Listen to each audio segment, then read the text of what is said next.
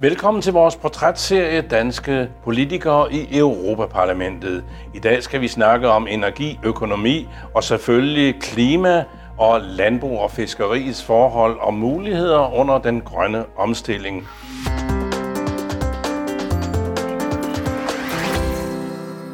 Velkommen til Morten Helve Petersen Tak for fra det. det radikale Venstre. Tak. Øh, Morten, øh, klimaet og energien, ja lad os starte med, med energi og, og, og, og økonomi, fordi det har optaget dig, siden du blev øh, kandidat vel i økonomi for mange år siden. Ja, det har det. Og, og, og jeg synes, det er en utrolig spændende tid, vi lever i, og, og øh, fordi at hele det her med den grønne omstilling er jo så vigtigt, som det er, og, og fordi man i EU generelt, og ikke mindst i Europaparlamentet, har susetravlt med netop den, den grønne omstilling på, på hele energi- og klimaområdet. Og det er noget, jeg, jeg bruger al min vågne tid på, eller øh, det meste af den i hvert fald. Så, ja. så det er noget, der fylder meget. Du er blevet formand eller ordfører for øh, vindmølle, øh, hvad hedder det, aktiviteterne i Europaparlamentet. Ja, og, og, og sidder netop nu og, og arbejder på at gennemføre en rapport om, om hele det her tema omkring havvind. Ja. Offshore, øh, som jo er en, en kæmpe ting i, i, i Danmark, hvor Danmark har fantastiske forudsætninger med Nordsøen og med virksomheder i verdensklasse i Vestas og Ørsted og hvad det hedder alt sammen. Ikke? Så Danmark har virkelig meget at, at byde ind med. Øh, og, og derfor har det været utroligt spændende at lave det her arbejde, eller arbejde med det tema, fordi det går dybt set ud på at bekæmpe klimaforandringerne ved at få noget grøn elektricitet ud fra Nordsøen, når vinden blæser. Og så få det smidt ind i energiforsyningerne i Danmark, i Tyskland, i Norden, rundt omkring i Europa. Ikke? Det kan bruges til fjernvarme, det kan bruges til fremtidens brændstoffer i, i biler og fly og, og mange andre spændende ting. Og det er et område, hvor at, at mange i- af mine kolleger i Europaparlamentet, jamen, de kigger på, på Danmark, og så er det måske ikke, fordi de kender sådan den danske dagsorden i detaljer, men de er klar over, at der sker noget spændende på, på det her med det grønne. De har hørt om noget med det her med vindmøller, om energieffektivisering og nogle af de ting. Så det er et område, hvor at, at Danmark har meget at byde ind med, øh, og det gør det til en fornøjelse i min hverdag at arbejde også med de danske virksomheder i forhold til øh, de her strategier, som er på bordet. Og mange er nok glade for at høre, at øh, du har fokus på øh, havvindmøller, fordi der foregår i Nordjylland en voldsom debat om vindmøller inden for eksempel ved Hirtals Havn ja. øh, eller ude i havet. Ikke? Og Jo. jeg forestiller mig, at det foregår i hele Danmark og flere steder i EU. Det det. Øh, det er vel ud i vandet, at øh, det giver mindst øh, miljøproblemer, eller skal vi sige øjebæ, som nogen Ja, siger, som ja. vi siger på jysk, med vindmøller. Jamen helt klart, og, og jeg synes, det giver jo så meget god mening at få det skubbet ud på havet, altså, Ja. ja. så det generer mindst muligt. Det, det er klart, så er der andre udfordringer, og, og noget af det, vi diskuterer meget, det er jo forholdet til fiskerne, det er forhold til altså den, øh, altså rutesejladsen, rederierne, søværnet. Øh, der er jo også selvfølgelig mange ting på, på havet, som, øh, hvor søværnet også har en vigtig rolle at spille. Der er hensynet til biodiversitet og, og, og den form for naturbeskyttelse, som, som hele biodiversiteten på havet og i havet også betyder. Så det er ikke nemt at få alle de der afvejninger og hensyn til at gå op. Det er en kæmpe udfordring. Øh, Det er det på landjorden ikke mindst, men det er det i høj grad også på havet. Og det er derfor, vi er nødt til at få de her ting til at spille sammen. Men, men det er jo en god idé at skubbe det ud, altså, og, og ud af folks syne også. Øh, Og, og der har vi nogle fantastiske muligheder på Nordsøen for at kunne gøre det. Så, Og det må vel glæde dig også, øh, at øh, skal vi sige, de store færgekoncerner i for eksempel Hirtshals og i Frederikshavn, de går ind for øh, grøn, grøn energi. De vil gerne have depoter øh, lavet i øh, de nordjyske øh, trafikhavne, og det gælder formentlig også i, i København, at man, man satser på grøn energi, Fjordline og Color Line og hvad de hedder alle sammen. De, de vil gerne øh, spille med på melodien om, at vi skal være grønnere i fremtiden. Helt sikkert, og, og der foregår enormt mange spændende ting altså i, øh, i hele den side af det. Og også i øvrigt i forhold til udskibning til Nordsøen og alle de arbejdspladser, der ligger forbundet med det. Når man ser Esbjerg Havn i dag eksempelvis, så er det jo noget helt andet end for 10-20 år siden i forhold til, hvad der har været aktivitet omkring olie og fiskeri. Ja. Og nu ligger der jo altså de her gigantiske vindmøller der på, på havnen og skal skibes ud. Og, og, og hele den industri, der følger af det her eventyr, som, som jeg virkelig mener, det er med havvind er, er jo sindssygt spændende. Ikke mindst for mange af de vestjyske havne også at kigge ind i. Og, og, og når, når jeg er i Tyberøn eller, eller på Esbjerg Havn, for så, altså, så, så er det jo tydeligt, det er noget, man har blik på, det der, eller blik for, og, og, og, og gerne vil kigge ind i og se, om man kan altså også være leverandør til. Så ja, der foregår nogle sindssygt spændende ting i forhold til sejladsen, og også på mere øh, miljørigtige brændstoffer og udvikling af det, men sandelig også i forhold til den der udskibning til, øh, til selve de der vindparker, når, når de kommer op og står ude i Nordsøen. Hvordan har du det med, øh, at EU nedsætter øh, CO2-udslippet med 55 procent øh, inden år 2030, og Danmark er allerede ved at passere den ambition der. Skal vi endnu længere op?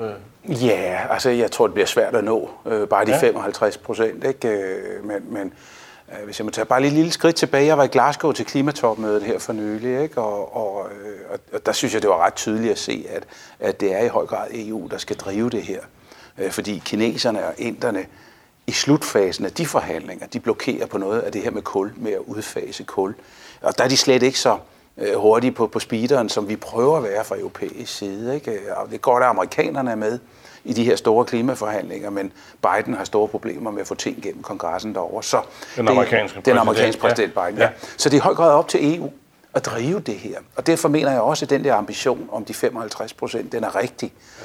Men jeg, jeg kan også mærke, når jeg, når jeg taler med mine polske kolleger, eller slovakiske kolleger, eller, eller andre, der øh, måske har mere skal vi sige, sådan traditionel indretning øh, og afhængig af kul i, i alt for høj grad, at, at det her bliver en kæmpe mundfuld. Altså hele den her overgang fra kul over i forhåbentlig den dag, hvor at, at, at det bliver produceret på, på vedvarende. Om det er så havvind fra Nordsøen, eller om det er eller sol på, på land, eller landvind, eller biomasse, eller hvad det måtte være. Der er så mange spændende ting derude i øjeblikket. Og lige i øjeblikket der er dine øh, folketingskolleger i Danmark fra det radikale venstre ved at øh, sætte kniven for struben for regeringen af Socialdemokrater, for vi skal have indført en, øh, en afgift på fly. Det er voldsomt forurenende med især langdistancerutefly, ikke? Jo. Øh, det støtter du selvfølgelig, behøver jeg nok ikke at spørge op, men, men er det også vejen frem og, og skal vi sige, øh, dæmpe lufttrafikken, eller i hvert fald se, om der kan udvikles grøn energi til, at, øh, til flyvning også? Jamen, det skal vi da, og, og, og der foregår også enormt meget spændende udvikling på det i forhold til fremtidens flybrændstoffer, ikke? så vi øh, kan elektrificere noget af flyvningen. Den korte flyvning formentlig vil kunne elektrificeres. Det ser vi allerede rundt omkring på kloden i dag, at, at der er flyproducenter, der også, altså simpelthen baseret på batterier, begynder på i hvert fald nogle af de korte flyvninger at kunne det. Ikke? Men ja, der skal der også være øh, flybrændstoffer, som der jo også forskes i og, og udvikles på, fordi, og det er jo en af de helt store ting, som vi kommer til at diskutere her over den næste periode. Det er jo alt det her med kvotehandel, og om hvorvidt at, at luftfarten også skal ind under det. Altså at hvis du får en pris på at forurene, jamen så vil det jo også medføre, at det bliver relativt set dyrere at flyve, end det er i dag. Og der har vi jo ikke skåret den rigtigt, fordi øh, altså det, det paradoxale er jo det, som danskere jo billigere nærmest at flyve til Thailand eller Tyrkiet, altså uden for EU øh, end det er på grund af den måde, vi har indrettet vores beskatning på, og den måde, vi har indrettet vores kvotehandelssystem på. Mm. Øh, og det går ikke, fordi luftfarten bidrager jo med en, en, en 4-5 procent til den samlede CO2-udledning. Øh, og, og, og det skal jo ned, hvis det er, at vi skal nå at bekæmpe klimaforandringerne. Klart. Øh, kvotehandel, det var gode ord til øh, min næste spørgsmål, nemlig om dansk fiskeri. Vi har mistet kvoter i øh, det britiske farvand, og vi har også mistet en hel masse fangst af torsk og lakser og flere fiskearter i Østersøen. De danske fiskere lider. Kan de overleve den her øh, grønne omstilling? Det, det håber jeg da, øh, og, og jeg er helt med på, hvor, hvor udfordret øh, de er. Øh, og de samtaler, jeg har med fiskerne i Tuborøn, eller, eller hvor det er, altså det, de giver jo klart det indtryk, at, at, at man er udfordret. Ikke? Ja. Og, og dels er der så lige på den korte bane i forhold til hele det her med Brexit og, og, og hele de diskussioner, altså en mulighed for at kompensere fiskerne for nogle af de her tab. Og, og det, det er vi altså nødt til at holde fast i, at, at det skal man også kunne. Jeg har selv haft den tvivlsom fornøjelse at sidde i den her Brexit-følgegruppe under hele forløbet, hvor ikke mindst fiskeriet jo har været enormt følsomt, og er stadigvæk den dag i dag, og som, som jo viser, efter min mening, hvor ulykkeligt det her Brexit er.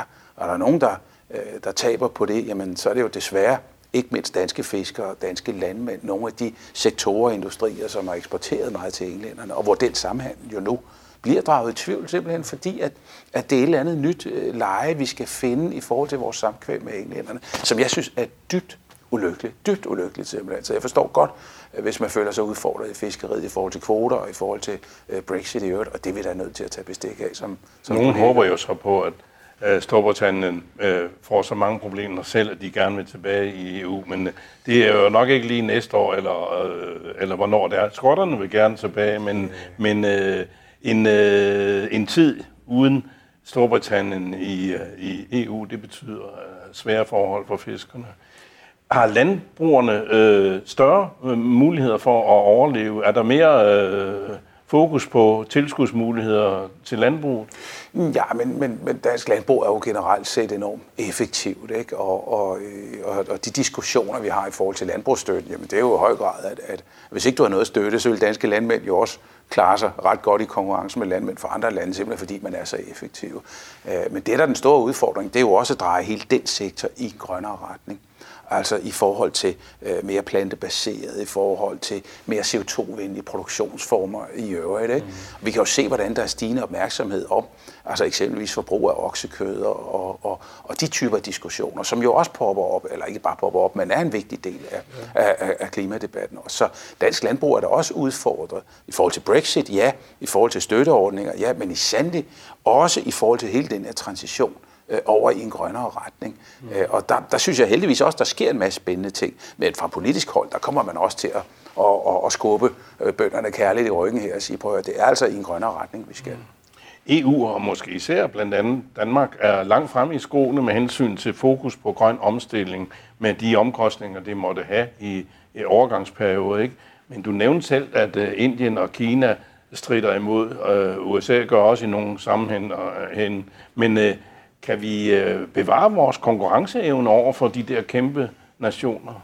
Altså, øh, noget af det, som man arbejder med på europæisk plan nu, det er det, der hedder en klimatol. Altså, hvor vi så siger, at hvis vi lægger CO2-afgift på produktionen i Europa, så nytter det jo ikke noget, at vi bare importerer fra Kina og Indien de samme produkter, der er produceret mere forurenende.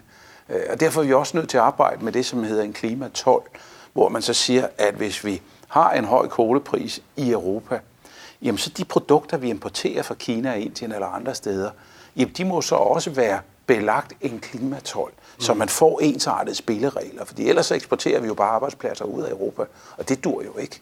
Altså det dur jo ikke, at vi sætter så høje grønne krav, uden at følge det op af, at vi så også forventer det samme af kineserne og inderne, fordi så smider vi jo bare produktion af arbejdspladser ud af Europa, og det er ingen jo tjent med. Så derfor er det en vigtig del i hele det her kæmpe puslespil, at man også arbejder med den her klimatol, så man sikrer, at der er nogle ensartede spilleregler, netop for at undgå, at vi bare bliver udkonkurreret af, af Kina og Indien på, øh, på miljø, om du vil. Det dur jo ikke. Det ligger jo implicit i det, du siger, at EU står stærkere, står bedst ved at være samlet, ikke? Øh, og radikal venstre, og du er jo kendt for at gå ind for et stærkt EU. Hvordan er det så med hensyn til udsigten til, at Polen og Ungarn og andre lande, de, øh, de vil gerne have de gode øh, EU-regler, der, der passer i deres øh, regi, men de dårlige abortlovgivningen for eksempel, den, den vil de gerne have, det, det skal de nok selv styre. Risikerer vi et, et A-hold og et B-hold i EU? Ja, det gør vi da. Øh, at du kan sige, uden at sammenligne Danmark med Polen og Ungarn. Vi har det jo allerede. Altså, vi har jo danske forbehold på, på forsvarsområdet og på, på retsområdet og på, på euroen også i øvrigt. Ikke? Mm. Så vi har jo allerede tegningerne til det, kan du sige. Men jeg er dybt bekymret over for det, der sker i Polen og Ungarn. Altså i forhold til overtrædelse af helt grundlæggende værdier og spilleregler. Og det dur ikke. Vi kan jo ikke have et samarbejde i længden, hvor at du har et sæt af spilleregler, som man har skrevet under på, og som så man så blæser højlydt på. I øvrigt samtidig med, at man gerne vil have forskellige former for tilskud. Så øh, det dur ikke. Det kan vi ikke have. Derfor er det en stor glæde, at det, der skete for i sommer omkring EU's budget, at der fik vi etableret det, der hedder sådan en retsstatsmekanisme, hvor man kan koble udbetalinger med overholdelse af de her grundlæggende værdier. Fordi det grundlæggende set kan ikke være meningen, skal ikke være meningen med det her samarbejde, at man bare bryder de grundlæggende værdier og principper, og så samtidig altså får øh, alle håndtilskud. Og det er den kamp, der, ja. der pågår i øjeblikket, og ja. som vi er nødt til at insistere på fra Europaparlamentets side. Det der med at lige øh, øh, ikke at, at se bort fra nogle EU-regler. Det gælder jo især i Østeuropa. Men øh, der er jo aktuelle øh, trusler fra EU's side om øh, ikke bare røde næser, måske eksklusioner for eksempel Polen mm. i, i abortlovsspørgsmål. Ikke? Hvor langt er I fremme i Europaparlamentet i den sag? Jamen, vi er, jeg synes faktisk, vi, vi, er, vi, vi er pænt langt fremme. Og helt det her med at lave den retsstatsmekanisme, hvor man kobler budget med overholdelse de grundlæggende værdier, det var faktisk noget, Europaparlamentet insisterede på. Det var ikke blevet til noget uden Europaparlamentet, fordi kredsen af medlemslande og kommissionen var egentlig blevet enige om det her budget. Så det var faktisk Europaparlamentets fortjeneste, at den kobling kommer ind. Og det er jo der, hvor vi insisterer i øjeblikket på, at den skal bringes i anvendelse. Netop som man kan mærke i Polen og i Ungarn, at det koster altså, hvis man forbryder sig mod nogle af de her grundlæggende værdier. Men jeg synes, det er en kæmpe udfordring. Og vi risikerer, at EU bliver et op indefra af, altså af styre af lande, som simpelthen ikke vil overholde de grundlæggende værdier, som de i øvrigt har skrevet under på, og det dur ikke i længden. Det kan vi ikke have, så bryder samarbejdet sammen. Du omtalte retsforbeholdet og politi, øh, det manglende politisamarbejde lige før. Er vi bedre stillet i Danmark, hvis vi får de her retsforbehold ud af, af vores samarbejde med det øvrige EU?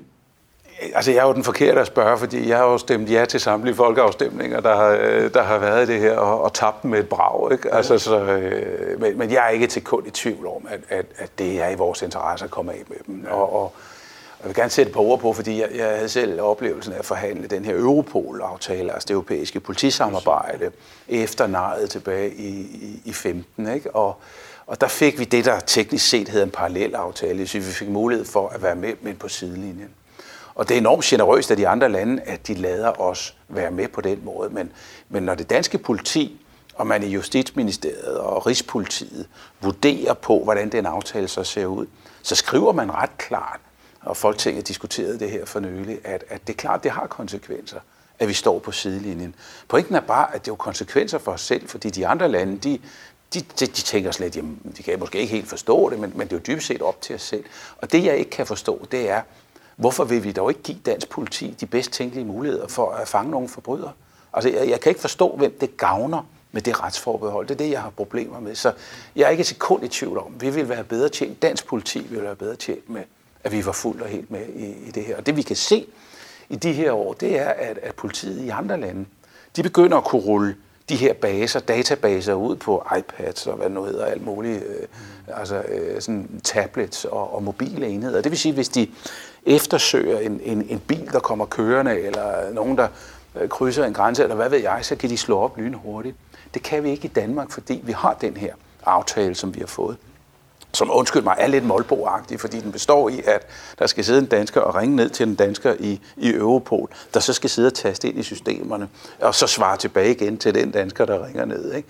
I stedet for, og fremtiden bringer jo, at politiet selvfølgelig skal kunne slå direkte op på deres telefoner eller iPads, eller hvad det nu er. Ikke? Så alt det her for at sige, vi gavner ikke nogen andre end forbryderne ved at stå uden for det her samarbejde. Jeg kan ikke se, at det er i dansk interesse at stå udenfor, så jeg var helst fri for det forbehold. Jeg synes, ja. vi skulle være fuldt og helt med. Dine synspunkter, de falder helt i tråd med, hvad vi for et år siden hører Søren Gade fra Venstre Nå, okay. sige. og, og jeg kan forstå, I, øh, I er vel et eksempel på et godt samarbejde øh, på tværs af partiskæld blandt de 14 danske europaparlamentarikere. Ja, vi er gamle venner fra øh, vores tid i Folketinget i, ja. i tidernes morgen, og, og, og er meget sammen i, i Bruxelles og, og også i København eller her i Danmark. Ja. Så øh, vi, vi, er, vi er nære venner, mm. og, og det er super hyggeligt og, og, og sjovt at, og, at have en god ven at, at gå op og ned af, også i, i Bruxelles og Strasbourg, når vi er der. Men der er ikke noget formaliseret samarbejde mellem de 14 danske Nej, det øh, er der ikke. Øhm, ikke formaliseret, altså vi, vi mødes jo i forskellige sammenhænge, ikke? Men, men der er jo kæmpe forskel på, hvad jeg måtte mene politisk, hvad Søren måtte mene politisk, hvad Dansk Folkeparti måtte mene europapolitisk, eller enhedslisten. Ikke? Ja. Og der, der synes jeg, noget af det sjove ved at arbejde i Europaparlamentet, det er jo at opleve det der med, hvordan jeg har, jeg har mere til fælles med mine liberale kolleger fra Sverige, eller Holland, eller Spanien, eller Tjekkiet, end jeg måtte have med en fra enhedslisten, eller en fra Dansk Folkeparti. Ikke? Altså Europaparlamentet er jo, jo en interessant konstruktion, synes jeg, fordi at det jo netop indbefatter det her med, at man deler sig efter anskuelser på tværs af grænser. Ja. Så er der enkelte sager, hvor man kan sige, at vi står sammen som danskere, fordi vi synes, vi har noget, der er vigtigt at værne om i en dansk sammenhæng. Der er en diskussion om mindsteløn, øh, i forhold til den danske model på arbejdsmarkedet ja. eksempelvis. Hvor er du i den? Øh, skal, skal der være EU-mindsteløn? Eller skal Jamen, jeg, jeg synes jo, vi har en god model i Danmark, øh, og, og, men jeg kan sagtens forstå, at man i andre lande gerne vil have mindsteløn, hvis ikke man har den måde at organisere et arbejdsmarked på, som vi har. Ja. Så det vil jeg ikke stille mig modstræbende over for, i modsætning til, hvad nogle af mine andre kolleger vil, vil gøre. Der tror jeg, jeg er mere positiv over for den del, i forhold til, hvis det kan hjælpe andre lande, hvor man ikke har den her form for model, som er tjent også godt. Men jeg kan ikke se for mig, at, at det er noget, som EU skal bestemme i forhold til Danmark, fordi vi har den her danske model, som, som vi er glade for. Et andet eksempel, hvis jeg må nævne det, det er i forhold til realkredit. At der har vi også et, et, et dansk øh, sådan realkreditsystem, som vi er glade for, som har tjent os godt i, jeg lige vil sige, århundreder. Men hvor man i andre lande synes, det, det smager lidt af sådan en albansk pyramidespil eller et eller andet. De kan ikke helt forstå den der konstruktion. Så der er vi også nødt til, på tværs af partigrænser, sådan at gå sammen om at prøve at forklare, at jamen, det er faktisk en model, der fungerer fint, og som har tjent os godt, så hvorfor dog pille ved den? Så der er eksempler på, hvor alle de danske mæpper, de, øh, de har mere eller mindre fodslag men, men det er altså mere undtagelsen end reglen, fordi når vi kommer til synet på den grønne omstilling, eller på retspolitikken, eller på hvad det nu måtte være af, af vigtige og tunge områder, der deler vi os efter anskuelser på tværs af, af landegrænser. Du nævnte, at du er øh, enig langt hen ad vejen i mange forhold med den liberale gruppe i EU, men jeg kan da også øh, minde om, at der er et sted, hvor I, I står øh, helt øh, ikke alene, men i hvert fald i forhold til de liberale og socialdemokraterne asyl- og flygtningepolitikken. Ja. Ja. Øh, hvordan har du det med pigtråd øh, fra øh, Europas grænser for eksempel? Det er der allerede ved Polen og ved, ved øh, Ungarn ud mod den øvrige verden, og det kommer der måske over hele EU det er ikke lige en radikal kop te. Ja, det ved jeg nu ikke, fordi vi, vi, altså, der er jo ikke nogen, der kan glæde sig over pigtråd, vel? Altså, det, pigtråd er jo ikke en, en rar ting, det er jo en skrækkelig ting, ikke? Og, og, og, og det, det kan jeg ikke se nogen grund til at glæde sig over. Men, men, men, men jeg er ikke i tvivl om, at, at Europa skal da kunne beskytte sine ydre grænser. Ja. Øh, det, det kommer vi da til. Det gør vi i dag i et eller andet omfang. Ikke godt nok, men, men det er da en del af, af fremtiden, at selvfølgelig skal vi kunne beskytte øh, de, de ydre grænser. Ja. Øh, og så skal vi have en fri bevægelighed i de indre grænser, øh, netop for at fremme det indre marked og mobiliteten, og folk kan rejse på kryds og tværs. Men det der med at beskytte dyre grænser, det, det skal vi kunne. Okay, men øh, Radikale Venstre og du går vel stadigvæk ind for, at vi tager vores ansvar og tager FN's kvoteflygtninge Bestemt. hver år, ikke? Ja. Og øh, har vel et mere åbent syn på indvandrere end de fleste andre danske partier. Kan vi ikke sige det? Mm, ja, det altså, ikke. Ja, det, det, når, når jeg stusser lidt, eller når jeg lige reagerer lidt, så er det fordi, jeg synes også, der er mange misforståelser om, om, om radikale i, i, i den debat. Fordi, ja. altså, I er kendt som humanister. Jamen, det er vi også. Det er vi også. Det er vi også. hvad er det så, at du bekymrer om? Jamen, jeg mener, at det er skrækkeligt, at vi ikke har formået at lave en fælles øh, asylpolitik i det europæiske.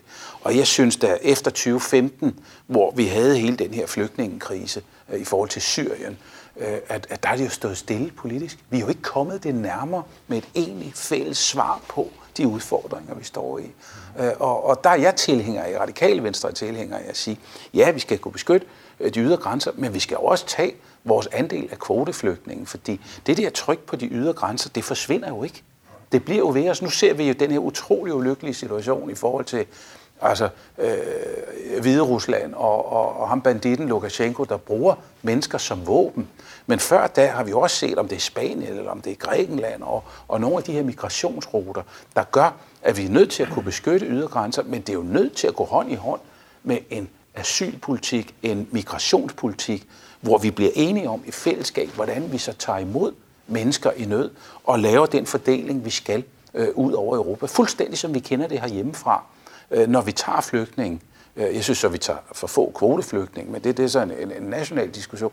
Men så fordeler vi jo også ud over kommunerne, og det er jo dybest set det samme princip, bare på europæisk plan, hvor vi bare ikke er blevet enige, fordi hvert land de sidder og laver øh, ja. den her, og bare hver for sig. Og det synes jeg er skamligt. Det synes jeg er en falit erklæring for os, at vi ikke har formået at, at, at, at løse det godt at høre, at du bevarer engagementet og øh, entusiasmen. Vi kunne tale om mange flere emner, det kan vi ikke nå, men jeg skal vide, stiller du op igen i 2024 for de radikale venstre til Europaparlamentet? Ja, det regner jeg bestemt med. Jeg synes, det er du befinder dig så godt. fantastisk arbejde. Jeg synes, det er så utrolig spændende, og, ja. og det, er en, det er en hverdag, hvor der ja, der er meget rejseri, det er så den øh, negative side af det, ikke? Men, men det der med at arbejde sammen med kolleger fra hele Europa i forhold til at løse de store problemer, vi står overfor omkring klima, migration og, og de typer ting, det, det er et fantastisk privilegium at få lov til.